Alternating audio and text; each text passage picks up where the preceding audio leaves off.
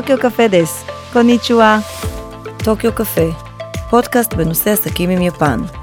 נדבר כאן על עסקים, תרבות ומה שביניהם, נארח אורחים, נחלוק חוויות עסקיות ותרבותיות שיתרמו להצלחה שלכם בעסקים עם יפן. אני ורד פרבר, מתמחה בקשרים עסקיים ותרבות. בואו נתחיל. שלום אלחנן. שלום, שלום לרב. איך אני שמחה שהגעת אלינו, אורח יקר וחשוב היום, אה, אלחנן הראל. אני אתן uh, קצת סקירה על מה אנחנו, uh, קצת ביו עליך מי אתה ולאורך uh, השנים הפעילות שלך ביפן. רק לא ואנ... להביך אותי. ואנחנו ניכנס, לא איתך, להביך לא נראה לי שזה יהיה אפשרי, ואנחנו ניכנס יותר לשיחה של יפן בשנים האחרונות, מה קרה ו... אה, איך אנחנו יכולים אה, היום לשתף פעולה. אז אלחנן הראל, האורח שלי היום, תודה רבה שהגעת אלינו. אלחנן הראל, מייסד ומנהל הראל הרץ Investment House, יושב ראש לשכת מסחר ישראל-יפן לשעבר ונשיא כבוד הלשכה. אה, מזה כמה עשורים מקדם את יחסי הכלכלה בין ישראל ליפן, והוא הישראלי הראשון, איש העסקים הראשון הישראלי שזכה באות, באות הקיסר היפני. אה, אז אלחנן, אה, היום אנחנו רוצים אה, לדבר על, אתה יודע, אנחנו חווים את יפן בשנים האחרונות, מי כמוך וכמוני יודעים כמה היה קשה לפני שני עשורים, כמה היה שונה לפני שני עשורים, כל ההתנהלות מול יפן, כל החברות היפניות, לא רק אנחנו השתננו, אלא גם החברות היפניות השתנו, אז אני אשמח, מכיוון שיש לך, אתה מעל אה, שניים שלושה עשורים ניסיון עם יפן, נשמח לשמוע ממך אה, איפה אנחנו חווים היום את השינוי דווקא בחברה היפנית, בכלכלה היפנית, בהתנהלות של הגלומרנטים, מה היה בעבר, מה קורה היום, ואיך אנחנו יכולים לקחת את זה אלינו כיזמים צעירים או כיזמים שכן רוצים לשתף פעולה עם החברות האלה. קודם כל, ההבחנה שלך נכונה. אנחנו היום חווים שינוי מהותי, אני לא רוצה להשתמש במונחים דרמטיים, אבל שינוי מהותי בגישה היפנית לעסקים עם ישראל, בהבנה של היפנים אה, ביתרונות של עשיית עסקים עם ישראל, וזה נובע אה, ממספר טעמים. הטעם הראשון, אני רוצה לקחת אותו באופן שונה לחלוטין ממה שאנחנו חושבים היום, והוא העלייה הדרמטית של המעורבות הבינלאומית של סין. Mm. אנחנו mm. כולנו מדברים על הביקור ההיסטורי החשוב באמת של אה, ביבי ביפן ושל אבה פה אה, כנקודת המפנה במערכת היחסים. נכון. אבל השינוי אצל יפן, ואנחנו רואים את זה גם בתבניות הדיונים ובמסמכים שהוציאו הקיידן רן לפני הביקור של אבי בישראל. והקיידן רן, כמו שאתם יודעים, זה ארגון הגג של הארגונים הכלכליים ביפן, הוא הלובי החשוב ביותר mm-hmm. והמשמעותי ביותר ביפן. באותם ימים היפנים הבינו, היפנים ראו את המעורבות הסינית בישראל. הם עקבו בדאגה, עקבו בעניין, עקבו באיזשהו חשש עוד לפני השלטון של טראמפ מהאידיאולוגיה הסינית של פתיחת מחדש של הצירים של הסילק רוד החדש, של mm. הדרך האפריקאית, שמשם הם דחקו את אה, יפן, את דרום-מזרח אסיה, שמשם הם דחקו את יפן, העימות הסיני-הודי, ולפתע אתה רואה את יפן מרגישה מפגרת ומבודדת. על איזה שנים אתה מדבר בערך? ראשית העשור השני במאה, של המאה הזו, mm-hmm. 2011 אחרי רעידת mm-hmm. אדמה, ועד הביקור שלי, 2015. 2015, אוקיי. עכשיו, יש צד רומנטי מאוד ב- ב- בעסק הזה, כשאנחנו רואים שרעידת האדמה הקשה שהייתה בטוהוקו, בפוקושימה. פוקושימה. זה הנקודה הקרדינלית, אבל זה היה בכל האזור הצפוני של נכון. טוהוקו עד, עד הוקיידו. ובאופן רומנטי, היפנים זוכרים לנו עד היום את העובדה שישראל הקטנה הייתה המדינה הראשונה לה. ששלחה בית חולים שדה, ששלחה מאות מתנדבים, כולל זק"א, כולל אה, טראומה לאומית, לטפל במה שקורה שם. השאירה את כל הציוד של הבית חולים של עם, אה, בית חולים הצבאי, ועד היום כשאתה רואה מפגש עסקי, מפגש ממשלתי, We wish to remember the contribution of the Israeli people, בלה בלה בלה בלה בלה. אבל זה בצד הרומנטי.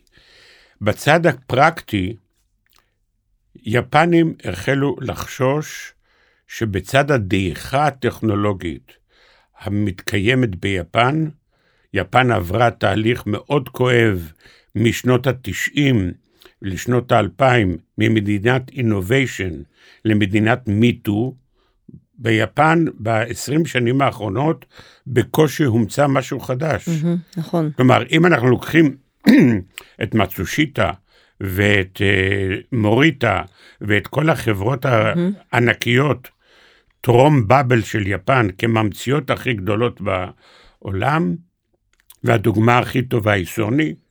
סוני הייתה חברה מובילה בעולם בשרשרת המוזיקה, שרשרת האודיו, שרשרת הוידאו, עד שבא אפל עם האייפוד וקטעה את כל הנושא, ומאז בתחום הזה למשל, סוני לא. מתאוששת. נכון. סוני לא מתאוששת.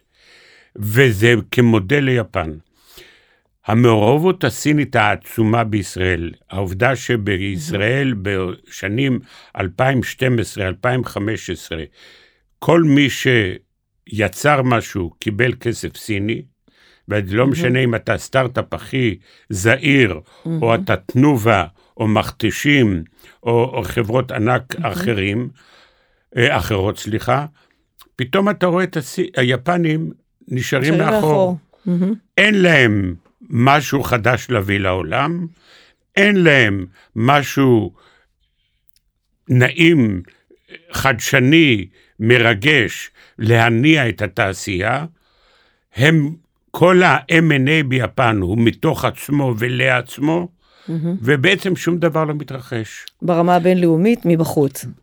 זה אנשים כמו ראש אה, NTT, כמו קוביאשי ממיצובישי Chemical, כמו אה, צוז'י מ-JVC Kenwood, כמו אה, אנשים אחרים, כמו סון מ SoftBank בתחום הסייבר, הבינו שיש מקור אחר לטכנולוגיה. והמקור הזה לטכנולוגיה, הם ראו אותו בישראל. ואז אתה ראית את ההתעוררות, בעקבות הסינים? בעקבות הסינים? לחלוטין בעקבות הסינים שהגיעו וראו? החשש לעליונות טכנולוגית סינית, היפנים הבינו אותו עוד לפני טראמפ, וכל הנושא של ה trade war שהתפתח לאחר מכן, הוא לא מושכל למה שקרה ביפן, לא להבין אותי לא נכון, אבל היפנים הבינו אותו מתוך צורך פנימי אמיתי, מתוך חשש היסטורי, תרבותי, קיים, מתמשך בין סין ליפן, הבינו שפה יפן, גם בתחום ה semiconductors, גם בתחום הציוד הרפואי, גם בתחום האינטרנט, לגמרי מאחור. גם בתחום הלייזר, גם בתחום הקוסמטיקה, הלו, והתחילה ההתעוררות היפנית. ההתעוררות היפנית צמחה גם יחד עם שקט במזרח התיכון. עכשיו, אין ברומטר יותר טוב למערכת היחסים בין ישראל ליפן, מתוך העובדה שמאז מלחמת העולם השנייה, נרצה או לא נרצה, נולד ביפן עם פציפיסטי. עם שלא מבין איך עם כל כך חכם כמו העם היהודי היושב בציון, לא מצליח לפתור בעיה וחוזר שוב ושוב לתחום האלימות הביטחונית ולתחום האובדן וכולי, כולל היום, שאנחנו מדברים. ואז אם את לוקחת את גרף ההתפתחות בין ישראל ליפן, את רואה אותו בקו עלייה מתמיד, אבל ב... עם, עם, עם, עם עקומות ירידה כלפי שיש- מטה, כל פעם שיהיה. עופרת יצוקה, שיהיה צוק איתן, שיהיה שומר חומות, שיהיה, לא יודע מה יהיה בעתיד, את רואה תמיד או-או סטבק. הפעם זה הרבה יותר בולט היום, משום שביפן נוצרה הערצה, קנאה, לעובדה שישראל הייתה המדינה המחוסנת הראשונה בעולם, כן. והם המדינה הכי מפגרת בתחום החיסונים בעולם, מטורף. מדינה ש... ש- 80 יום לפני האולימפיאדה, רק 2% אחוז מהאוכלוסייה מחוסנים, האוכלוסייה הכי מבוגרת בעולם, ושוב פעם, האחרונה בחיסונים, אני אומר את זה בלשון ציורית, מי שמבין את הכפל לשון שאומר, המדינה, המצב איננו סוגה בשושנים. בסוגריים, ראש ממשלת יפן שמו סוגה, סוגה. אז זה לא סוגה בשושנים. אוקיי. התחכמות סתם. אה, כלומר, המבוא של אז אתה הקונפליקט, מדבר למעשה על דפוס יפני מאוד מאוד ברור, שאנחנו רואים אותו גם בהתנהלות היומיומית שלהם ברמה הטכנול...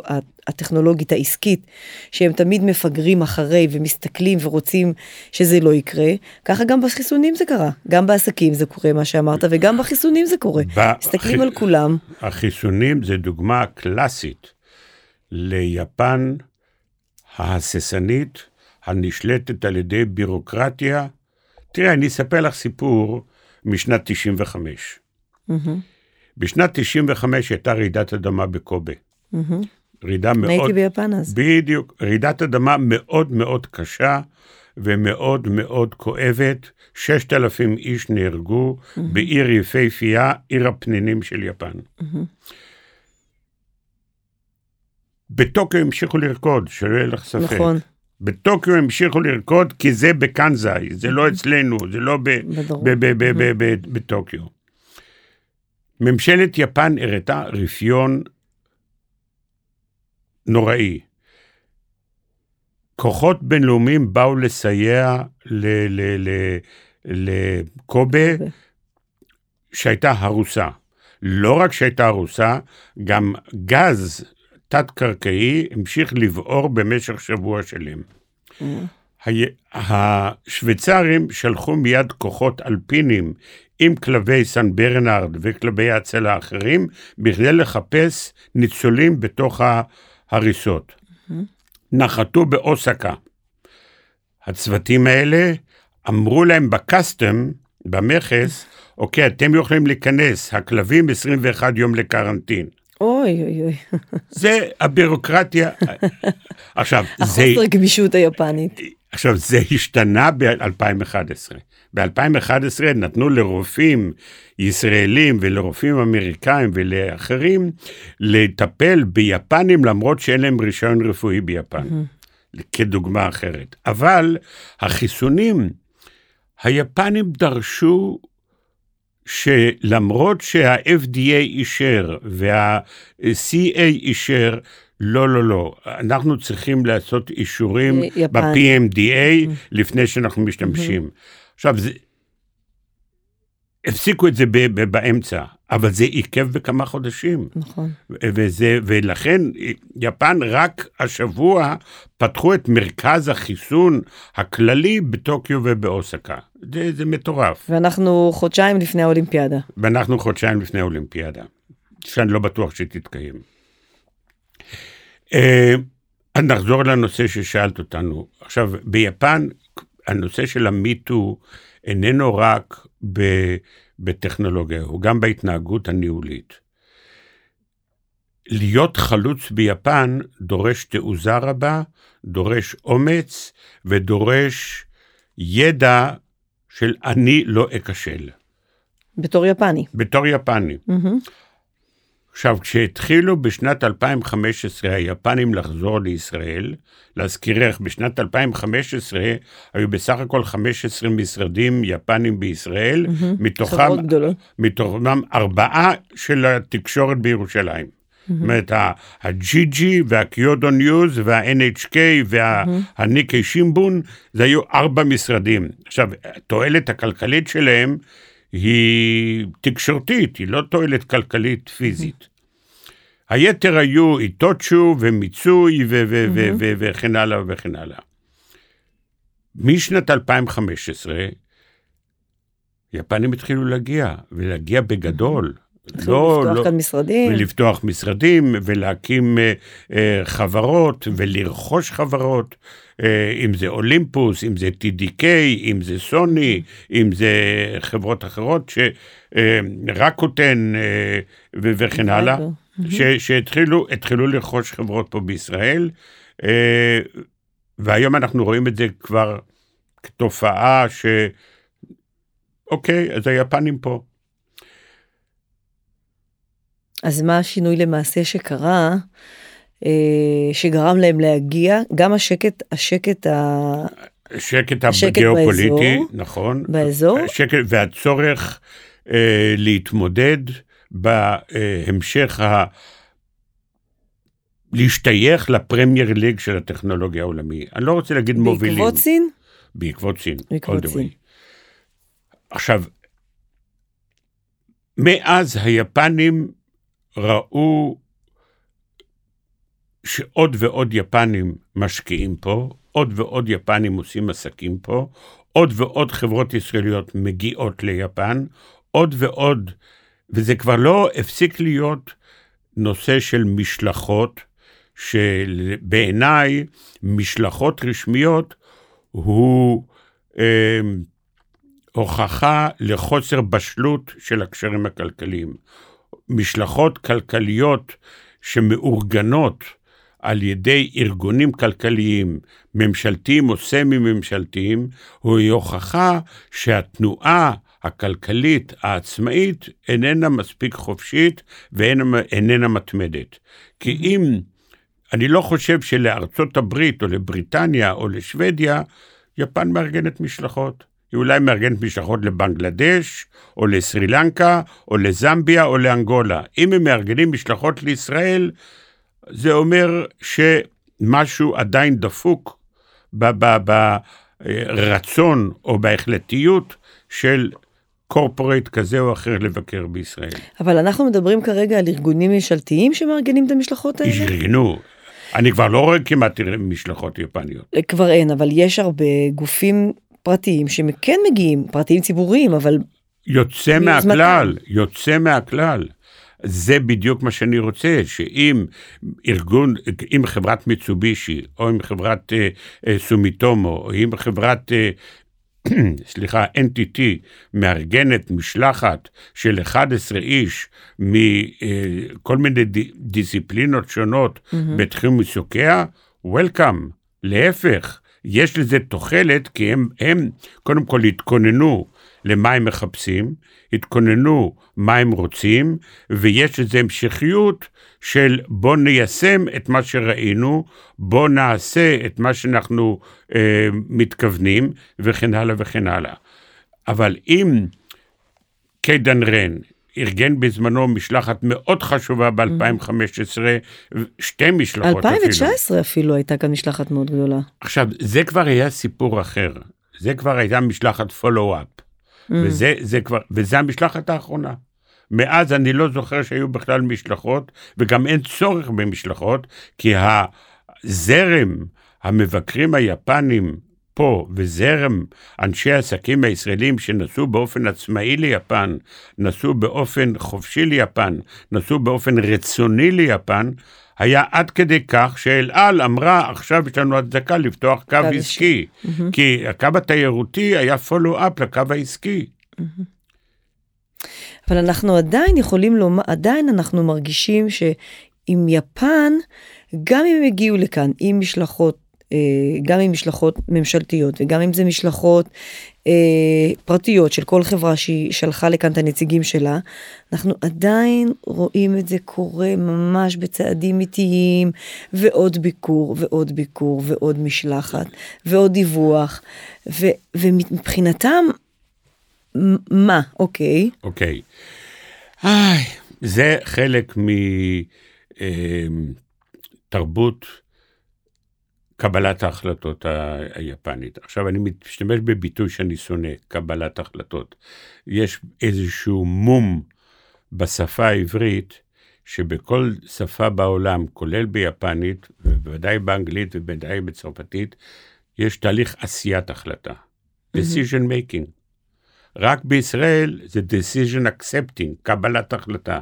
למה? כי זה, זה שלייקס ואיזה קסטה ואיזשהו אה, שכפ"ץ מפני, אני קיבלתי את ההחלטה, הם החליטו. עכשיו, זה, זה פגם אצלנו לשוני, שהוא לא רק לשוני, הוא גם תפיסתי. תהליך עשיית ההחלטה ביפן, כמו שאת יודעת היטב ואת מכירה אותו ואפילו כתבת עליו, הוא תהליך מיושן, מסובך, הרמוני, שמתאים לתקופות של פקס ותקופות של טלקס, הם לא לתקופות של, של אינטרנט, mm-hmm. לא לתקופות אינטרנט. התהליכים, תהליך ההחלטה היום הוא אינסטנט, הוא הוא מיידי. אג'ילי, אג'ילי, חייב להיות אג'ילי, מהיר. עכשיו, אני, עכשיו, יש שני פאזות שאני יכול להצביע עליהן. תהליך קבלת ההחלטות המסחרי היפני עדיין איטי, מייגע mm-hmm. ונוראי. זה מתחיל בהצגת החברה, ואז חתימה על NDA. חתימה על NDA ביפן יכול להיות, בישראל אתה אומר לחברה, בוא נחתום על NDA, נחתם. Mm-hmm. עוד לפני שהספקת להפעיל את נכון. המדפסת, גם אין בעיה לחתום על NDA, מקובל. ביפן זה לא ככה. ביפן אתה הולך לתושיבה, אתה הולך לאולימפוס, אתה הולך ל-NTT, חברות ענק עם משרדי R&D באוסטרליה, בארצות הברית, שניים שלוש משרדי R&D, באנגליה, בשוויץ, באיטליה, אולי גם בישראל, יש להם משרדי R&D פרוסים בכל העולם. כשחברת, שמחלקת פיתוח עסקי מקבלת NDA מסטארט-אפ ישראלי, הם לוקחים את ה-NDA, מעבירים אותו למחלקה המשפטית. הוא, הוא בוחן את ה-NDA ואומר, לא מקובל עליי שתחום המשפט הוא בישראל. Mm-hmm. לא מקובל עליי שעל תוכנה, אתה לוקח חמש שנים סודיות, התוכנה כבר תיגמר בעוד mm-hmm. שלוש שנים. לא מקובל עליי סעיף כזה או אחר.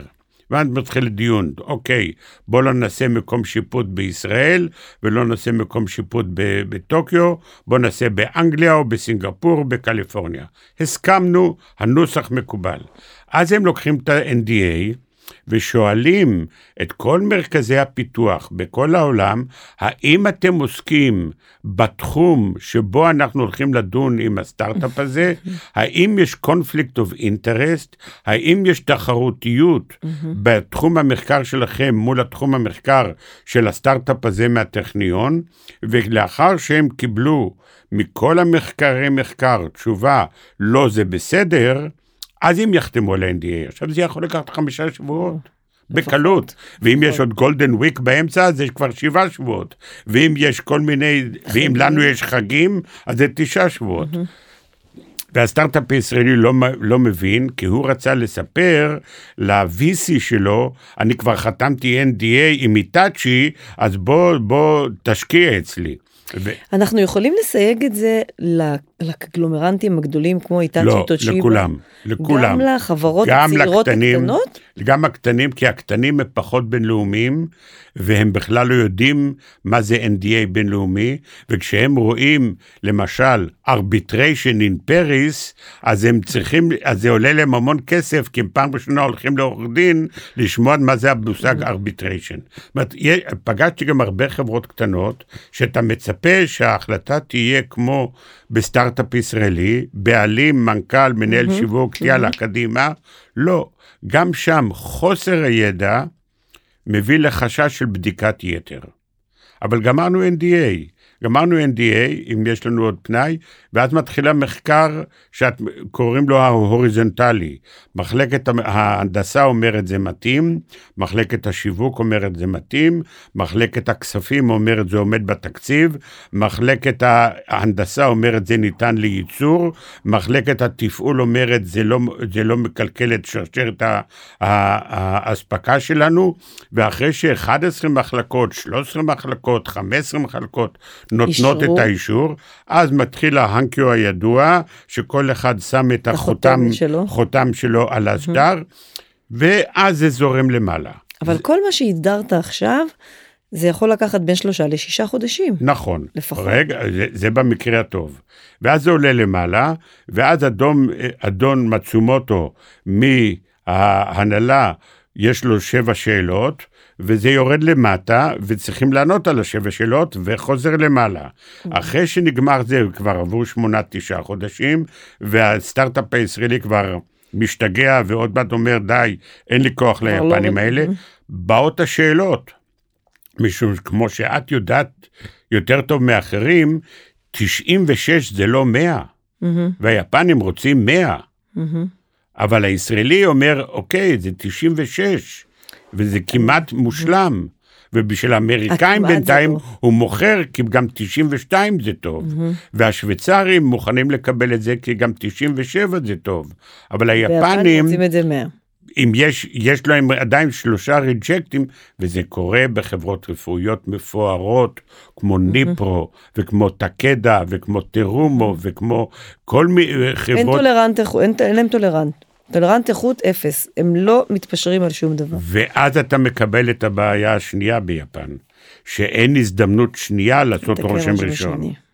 נכון. וזה זה, זה חלק מאותן בעיות שיש לנו, לך, לי, לאחרים בתחום, לקשר בין הפער התרבותי, הפער העסקי, בין הישראלי שהוא זודיאק מהשייטת, ליפני שהוא נושאת מטוסים כבדה, שלוקח לה שבוע רק לשנות את ההגה של הניווט. בכל כיוון.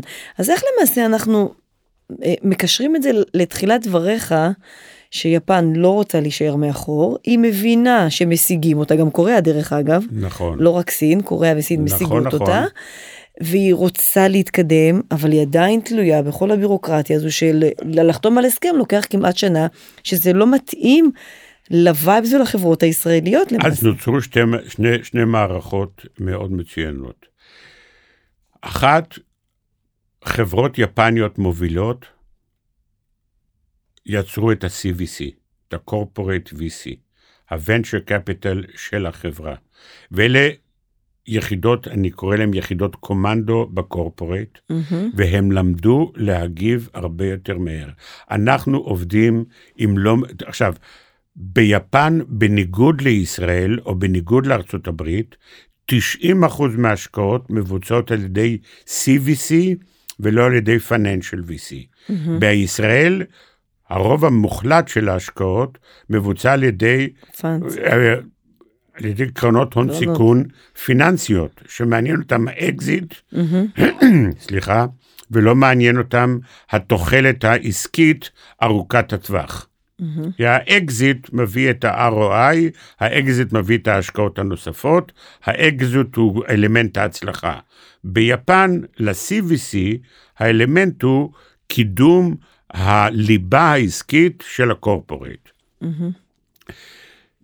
אבל יש ה-CVC, לנו כמה כאלה בארץ, נכון? תכף אני אספר על זה, את צודקת במאה אחוז. ביפן ה-CVC למד להחליט מהר. אתה מקבל go no go תוך חודש, תוך 40 יום, mm-hmm. זה יותר מהר אפילו מהאמריקאים. ואתה מקבל דיו דיליג'נס שיכול להיות עקשני, ויכול להיות טורדני, ויכול להיות מורט עצבים, כי השאלות חוזרות על עצמן שוב ושוב ושוב אצל היפנים, אבל התהליך יהיה מקביל לסבב שאתה עובד בו, כאשר יש לך VC ישראלי מוביל, או VC אמריקאי מוביל, היפנים, ה-CVC היפני, יישר קו יחד איתם. אני חושבת שזה גם בעניין של התמהיל של העובדים שם, של האנשים שם, זה לא אותם אנשים, זה לא אותם יפנים שיושבים בקורפרט. הם גם יותר צעירים. יותר צעירים, יותר אינטרנשיונל, נכון. מדברים אנגלית, חיו בחו"ל, מכירים, נכון, יודעים. נכון מאוד. לכן הקשר איתם הוא הרבה, לפעמים הם גם יושבים בסיליקון וואלי, לא בהכרח. הם יושבים... מאה אחוז נכון. הם יושבים לא בהכרח ביפן, וניתן להגיע אליהם דווקא במקומות אחרים בעולם. נכון. הם הרבה יותר זריזים, הם הרבה יותר... אז, אז מה קורה למעשה לחברה ישראלית? רגע, והם יושבים בישראל. חלקם יושבים זה, בישראל. זה, היום יש לנו קרוב ל-20 VCs יפנים נכון, שיושבים, שיושבים בישראל. בישראל. והם יודעים, הם יודעים מצוין, שהם לא יכולים לעכב את ההשקעה, כי לא יחכו להם. Mm-hmm. ואת רואה שהרבה מאוד מההשקעות היפניות שמבוצעות בישראל, משתלבות עם הפעילות של הקרנות הון סיכון היפניות היפני. או המעורבות שיושבות בבניין עזריאלי או יושבות בהרצליה פיתוח. במגדלים המפוארים. כן. אז למעשה יפן רואה את זה כפתרון אה, להכניס אינוביישן ליפן על ידי ה-CVCs האלה שמפוזרות בעולם. לגמרי. לא רק פה, לגמרי. אה, תראי, רוב החברות יש ל-CVC או מרכז או שלוחה בארצות הברית, ובישראל ובאירופה. יש לך, תראי, למשל בתחום הפארמה, לכולם יש או בבוסטון או בשוויץ, משום שאלה מרכזי הפארמה העולמיים. תקדה, יש את זה גם בישראל. אז למעשה אנחנו אומרים, אם יש חברה שיודעת שיש לה איזשהו פרטנר, פוטנציאל פרטנר, יפני, כדאי לבדוק מה, מי נמצא כאן או מחוץ ליפן, לאו דווקא בישראל, כי אין כאן את כולם. לבדוק מי נמצא בישראל או בעולם, לפנות אליהם עדיף מאשר לנסות למצוא גורם בתוך יפן שיוכל לקחת אותם לשוק. Mm, זו כבר שאלה אחרת. הרבה מהחברות הישראליות הבינו ש-country manager ביפן הוא מפתח להצלחה בכמה מובנים, ובצדק, משום שבמיוחד בשנתיים האחרונות של הזום זום זום, בום בום בום, זום זום זום.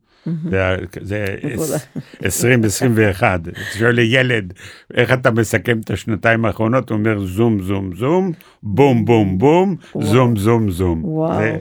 זה, זה העולם העכשווי. זה לגמרי, מאוד רלוונטי היום. זהו, אז, אז בעולם הזה, כשאני צוחק עם היפנים, שאני, ואני מוכרח להודות שאני מופתע עם כל הניסיון הרב-שנתי שלי, אני מאוד מאוד מופתע ומוקיר את היפנים. עם כל הבעיה של שפת הגוף שלהם, וכל הבעיה הלשונית שלהם, וכל הבעיה התקשורתית שלהם, הם אימצו את הזום כאמצעי תקשורת יוצא מהכלל. אין לי יום שאין לי על הבוקר שניים, שלושה זומים עם יפנים, עם הקשרים שלי, וזה לא מה שלומך, אלא זה ביזנס.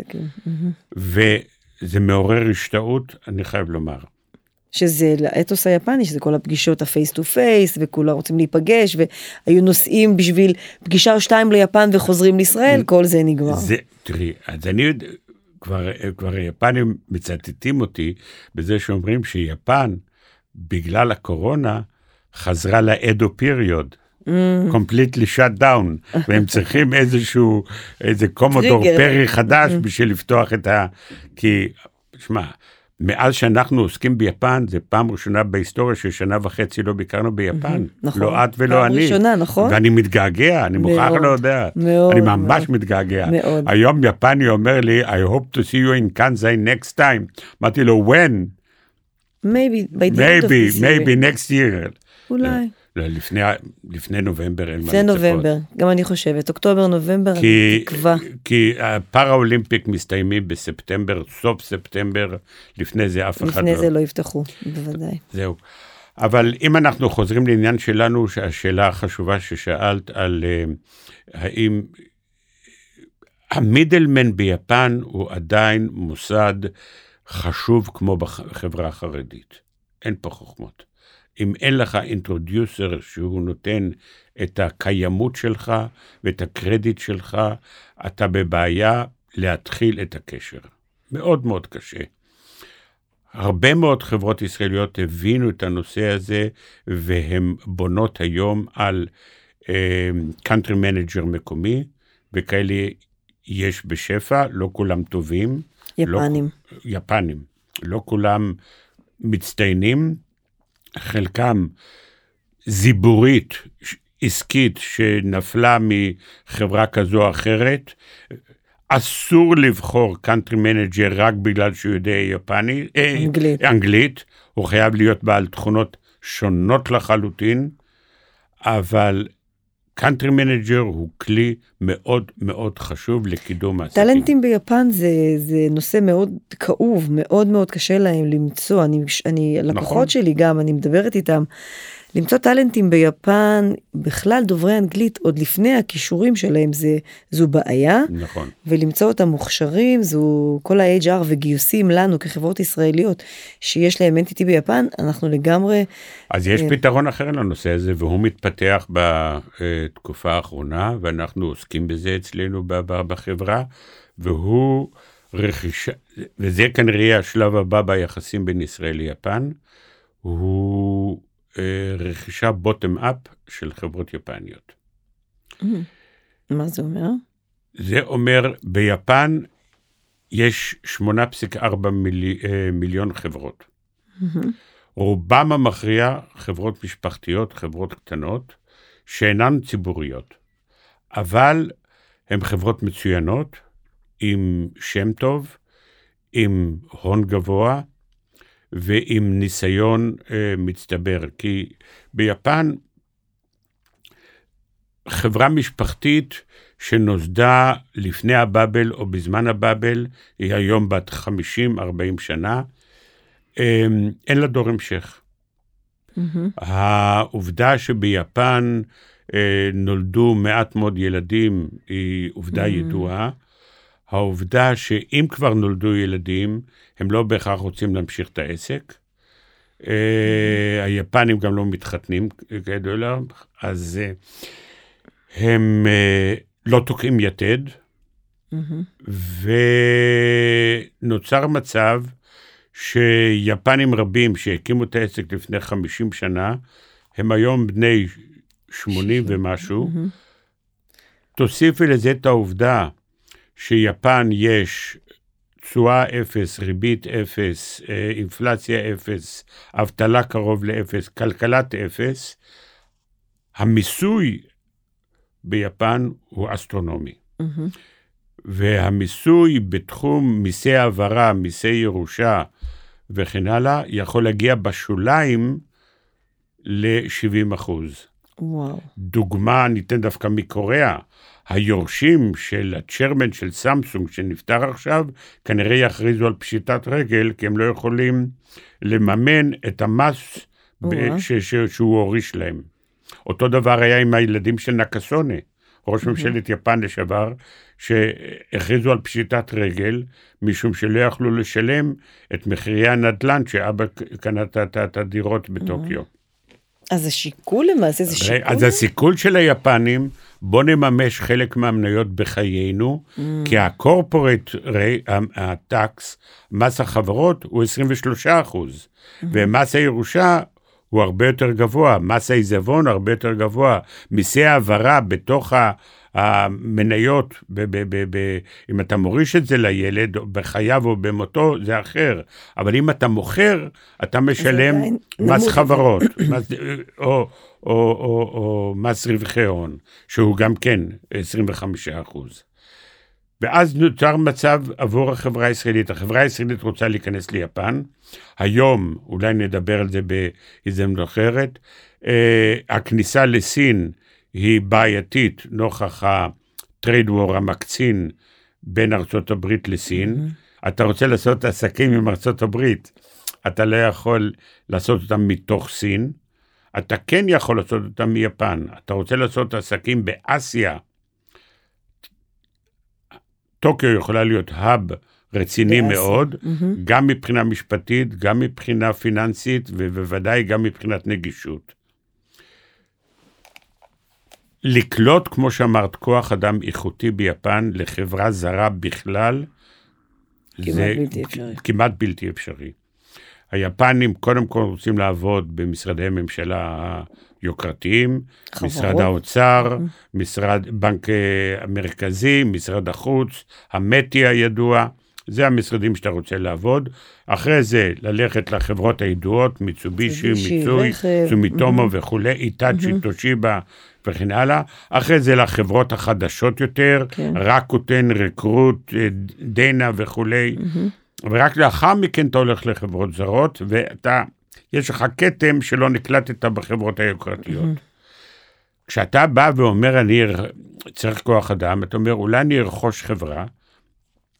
עכשיו, אתה לא, ביפן, בשביל להיות חלק ממשפחת החברה, מספיק שיש לך 8% בחברה, 10% בחברה, אתה לא צריך שליש או 50%. ואז יש לך פתאום כוח אדם מעולה, שהוא גם כוח אדם ל-after market service, גם לשיווק, גם לתחזוקה, גם אבל ל... ו... זה, זה תופעה שאנחנו לא רואים אותה בארץ. אין הרבה, יש, היו...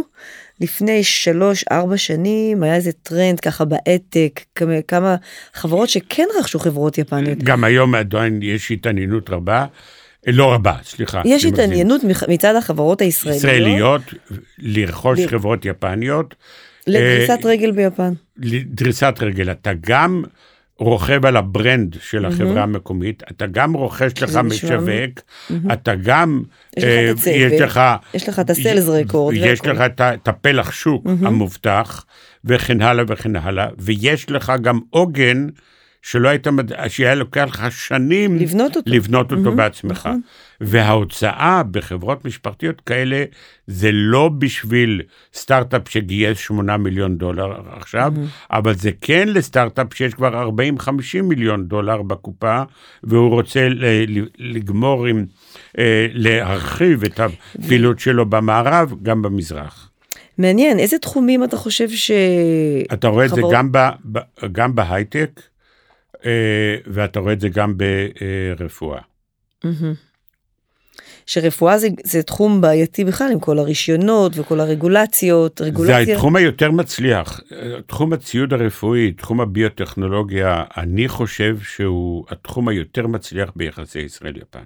יש הערצה, קודם כל יש innovation מדהים בישראל, בישראל בתחום הזה. לגמרי. התשלובת בין אנשי רפואה למהנדסים, לאנשי אלקטרוניקה, ליזמים mm-hmm. מסעירים, ממש game הוא, הוא ייחודי למה שקורה בישראל. Mm-hmm. הרעיונות היישומיים הם מרתקים, וביפן התעשייה הביוטכנולוגית, התעשייה הרפואית, הייתה בדרך, למרות המצוינות שלה, הייתה מקומית. mm-hmm. בכדי שחברות טרומו, או ניון קודן, או שימאזו, או ניפרו, או כל חברה אחרת, תרצה להיות הרבה יותר בינלאומית, היא צריכה רעיונות חדשים. מבחוץ. בשביל לקבל פלח אחר. אולימפוס רכשה כבר שתי חברות בישראל, ופוג'י משקיע עכשיו, יש את מיצובישי טנאבה. מיצובישי טנאבה זה, זה הדגל, mm-hmm. זה 1.1.6 מיליארד דולר, mm-hmm. עסקה שהיא בתחום הפרמצאוטיקה דווקא. אבל ביפן יש תופעה הרבה יותר מדהימה, שהיא סופר מעניינת. כל חברות הרפואה, הציוד הרפואי המסורתיות, הענקיות, טושיבה והיטאצ'י. לדוגמה, mm-hmm. הן כבר לא קיימות. טושיבה נרכשה על ידי קנון, חברת מצלמות, היטאצ'י מדיקל נרכשה על ידי פוג'י, חברת מצלמות, קוניקה מינולטה היא עוסקת בציוד רפואי, פנטקס נרכשה על ידי הויה, ותראי, פתאום יש לך תשתית שונה לחלוטין בתחום הפיתוח הרפואי, בעמדת זינוק לפעילות בינלאומית ענקית. ו- והפעילות הזו היא שונה ומתאימה מאוד מאוד לסטארט-אפים הישראלים. הישראלים. עכשיו, תקחי עוד בחשבון שבניגוד למשקיעים הסינים, המשקיעים היפנים הם מנטורים יוצאים מהכלל טובים. הם בדרך כלל כסף חכם.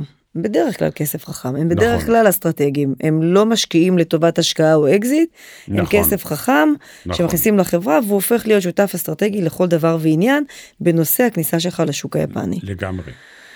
וואו, מעניין מאוד, מאוד מאוד מאוד מעניין. אז אם אנחנו נסכם למעשה את הנושא הזה של ההזדמנויות שציינת כאן, אז יש לנו הזדמנויות למדיקל דיווייס, לכל מה שקשור להלסקר, למדיקל דיווייס, כי אנחנו רואים קצת התרעננות ושינוי גם בתמהיל החברות היפניות ביפן, וכמובן בכל הרעיון של להכניס חדשנות. ו- וזה עוד לפני הקורונה, אני חושבת. זה לפני הקורונה. עוד לפני הקורונה היה צורך, ועכשיו יש צורך אה, נוסף. עכשיו זה מתרחב מאוד ל-e-health, לכל הנושא של הבריאות הדיגיטלית, mm-hmm. וזה מתחבר לכל הנושא של הביג דאטה, mm-hmm. שהוא נושא שמאוד, ה-AI, artificial intelligence, כי אם הדגל הישראלי עד לפני שנתיים שלוש היה סייבר, זה כבר מיצה את עצמו. Mm-hmm, זה נכון. כבר... ה-buzzword. Mm-hmm. תראי, בין יפן לישראל היו למעלה מ-140 עסקאות סייבר. את שומעת מה אני אומר? 140 עסקאות, כשהדגל הוא כמובן סייבריזן, שסופטבנק השקיע שם למעלה מ-300 מיליון דולר בשני סבבים. דיב, ליאור דיב, שהוא האורים והתומים של סופטבנק בתחום הסייבר, הביא ליפן, ב, בזכות העובדה שהוא מכיר את הסייבר הישראלי, עוד 4-5 חברות ישראליות להשקעות, mm-hmm. או בסופטבנק או במקומות אחרים. הסייבר הישראלי, גם באמצעות היזמות של ישראל דיפנס בסייבר טוקיו, mm-hmm. או סייבר הכנסים האלו, סייברטק. הסייברטק הביא עוד מודעות. כל הבתי ספר היום לסייבר ביפן הם שותפות עם ישראלים. ישראלים. עם סייבר ג'ים ועם סייבר... אה, אה, שעדיין אפשר לדבר על זה, עדיין אין שם כל כך הרבה knowledge לגבי סייבר, אבל נכון. יש הרבה שיתופי פעולה. נכון. אז הסייבר, אז הבאזוורד סייבר הפכה להיות הבאזוורד של ההלפקר ומדיקל. כן, לדעתי, אה, וה artificial intelligence. אז מה שנותר לנו זה למעשה לאחל רק בהצלחה לחברות האלה. כי אין ספק שב medical device, בכל מה שדורש רגולציות והתערבותו של הרגולטור היפני, יש כאן תהליכים הרבה יותר ארוכים. טוב, אז אם החבר'ה האלה ירצו... אבל זה בכל ירצו... העולם. זה בכל... תראי,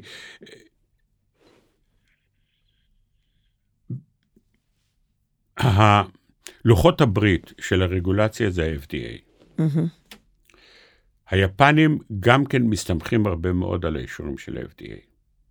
ואתה יכול לעשות cut and paste על הטפסים ששלחת ל-FDA בהגשה ל-PMDA. Mm-hmm. ואני ממליץ לכל חברה ישראלית שהולכת ליפן, קודם כל להתחיל את התהליך של ה-FDA. בוודאי, אבל זה בלי FDA למעשה. אפשר ללכת, אבל אתה סתם, סתם מסבך את כן. הפרוצדורה. אז למעשה כל חברת מדיקל שרוצה את יפן שתגיע רק אחרי אישור FDA. אני חושב שכן. ואז uh, מקצר את התהליכים. כן. מעניין מאוד. אוקיי, אז אנחנו למעשה, אנחנו אוטוטו מסיימים. אז בוא נסכם, תן לי ככה כמה טיפים לסטארט-אפים ישראלים שיושבים ככה, אתה יודע, חלקם ביוקנעם, קיסריה, תל אביב, שנורא נורא רוצים את יפן בתחום המדיקל דווייס. מה הייתה? אני, אני, אני אומר את זה אפילו יותר כללי. ב, ב, ואני אספר סיפור. פעם הגעתי ליוקנעם עם מנהל הפיתוח העסקי של אחת החברות המובילות uh, ביפן, SII, Seiko Industrial Instruments. והגענו לחברה מסוימת, והאיש היה בעל ערך עצמי מאוד גבוה.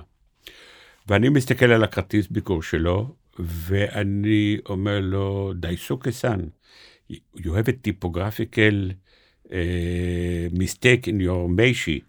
אז הוא אומר לי, וואי, אמרתי, כתוב שאתה דירקטור של R&B, וזה צריך להיות R&D. אז הוא אומר, no, הראל סן, you have a conceptual mistake. אני אומר לו, למה? הוא אומר, with us, it's R&B, because if research does not lead to business, there's no need for development. או, וואו. וזה היה בשבילי שיעור לחיים. וואו. וואו. זה היה שיעור לחיים. אכזב, זה דווקא מיפני, לא מאמריקאי. R&B, וואו. ואז אני מציע לכל סטארט-אפ ישראלי שרוצה להגיע ליפן, שיהיה לו שתי תכונות ראשוניות. אחת, שיהיה לו מוצר ולא רעיון, כי ביפן, a prototype is not a product, וזה הבדל עצום. ב', שיהיה לו החלטת הנהלה להיכנס ליפן. כי בלי החלטיות ובלי השקעה של זמן, של אמצעים ושל תקציב, שלא ייכנס ליפן. No management dedication, no way, no way. כלומר, אסטרטגיה של החברה כבר אמורה להיות, החלטנו ויוצאים לדרך. עכשיו, יפן כיפן, או כיפן כגשר לאסיה, תחליט. אבל י... ללכת ליפן זה לדעת שאם עשיתי את זה בטוקיו, אני יכול לעשות את זה בכל מקום. אם עברנו גם את האיכות וגם את היפנים ואת כל הדרישות היפניות, אפשר לעשות. ולא לשכוח לשים ברקע את השיר של ליאונרד כהן. שהוא? First we take Manhattan, then we take Tokyo. אוקיי, okay, נכון מאוד. וואו, מדהים. Uh, טוב, אז אלחנן, תודה רבה לך. תודה לך על ההזדמנות. מדהים, מדהים, אפשר לדבר שעות איתך, אני מאמינה שאנחנו ניפגש שוב על דברים אקטואליים יותר, אבל uh, חבר'ה, מי שמקשיב, uh, קחו את הטיפים האלה, טיפים ששווים זהב מאנשים עם המון המון מידע, עם, עם ניסיון רב שנים עם חברות יפניות, ועדיין עושים את מה שאנחנו עושים. אז תודה רבה לך, אלחנן, שהגעת אלינו. תודה לך, אנחנו ניפגש שוב. תודה רבה.